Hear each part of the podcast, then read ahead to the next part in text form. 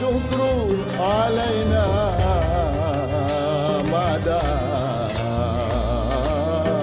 لله دا Bismillahirrahmanirrahim. Sadaqallahul azim. Sekali lagi saya diminta oleh teman-teman untuk menegaskan bahwa betapa pentingnya kiai dalam kehidupan kita. Betapa pentingnya mursyid, ulama, ustadz atau apa pun, syekh, maulana atau apa pun sangat penting dalam hidup kita. Sebagaimana angin juga sangat penting. Sebagaimana teletong sapi juga sangat penting. Sebagaimana seluruh alam semesta ini sangat penting. Orang belajar itu tidak hanya atau tidak terutama terletak pembelajarannya itu pada siapa atau apa yang dipelajari. Tapi juga lebih penting lagi bagaimana engkau mempelajari sesuatu. Jadi bagi pembelajar yang sejati bisa saja dia belajar kepada pohon mendapatkan ilmu yang luar biasa dibanding ia mendengarkan orang yang pandai. Jadi siapa pun Anda, kiai, ulama, mursyid atau apa pun, mari kita sama-sama tidak merasa lebih hebat daripada alam, tidak merasa lebih tinggi daripada yang kita anggap bukan apa-apa. Jadi semua itu penting. Tetapi sekali lagi, kita bukan Allah, kita bukan Rasulullah.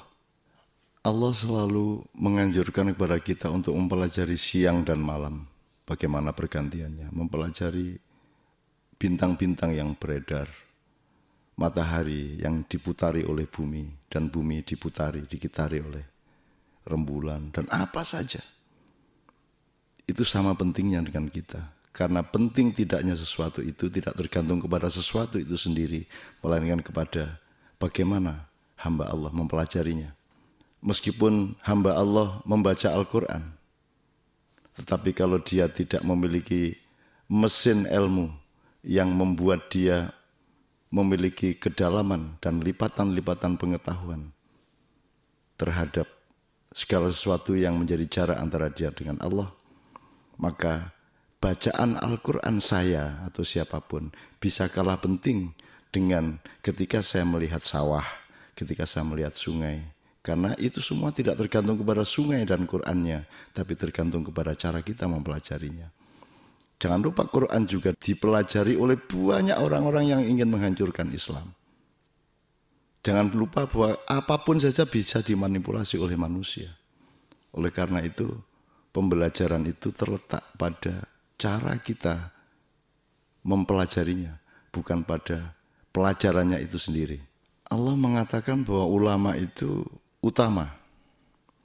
Tapi jangan ulama yang mengatakan dirinya utama. Itu Allah yang mengatakan ulama itu utama. Memiliki kemuliaan tertentu.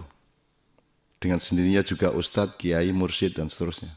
Tapi jangan beliau-beliau yang mengatakan bahwa beliau itu utama itu haknya Allah dan katakanlah dalam tanda petik kewajibannya Allah. Kewajiban para ulama adalah berendah hati dan tidak menunjuk-nunjukkan keutamanya melainkan membuktikan manfaatnya kepada masyarakat sehingga masyarakat juga akan mengikuti Allah untuk menyimpulkan bahwa mereka itu utama. Jadi siapa pun saja yang sudah terlanjur dijunjung oleh masyarakat, oleh umat menjadi pimpinannya, menjadi ulama dan kiainya. Saya ajak bersama-sama untuk jangan terus kita ini lebih hebat dari Rasulullah. Jangan kita ini seolah-olah yang punya hak untuk mensyafaati mereka. Jangan seolah-olah kita punya posisi dan koordinat kosmologis dan koordinat teologis bahwa kita ini bisa mensyafaati umat sebagaimana Rasulullah memiliki hak prerogatif yang disebut syafaat. Syafaat itu hak kolusi yang Allah ciptakan di mana Rasulullah itu boleh menawar, boleh memintakan sesuatu yang semua Rasul dan Nabi yang lain tidak mendapatkan hak itu. Maka barang siapa ikut Rasulullah SAW, Muhammad SAW, dia memiliki peluang untuk dikurangi ketersiksaannya, azabnya, atau ditambahi pahalanya oleh hak syafaat Rasulullah SAW. Nah, kita hanya punya hak untuk menyadarkan ini kepada masyarakat agar supaya benar-benar dia fokus kepada Allah dan Rasulullah, bukan fokus kepada kita.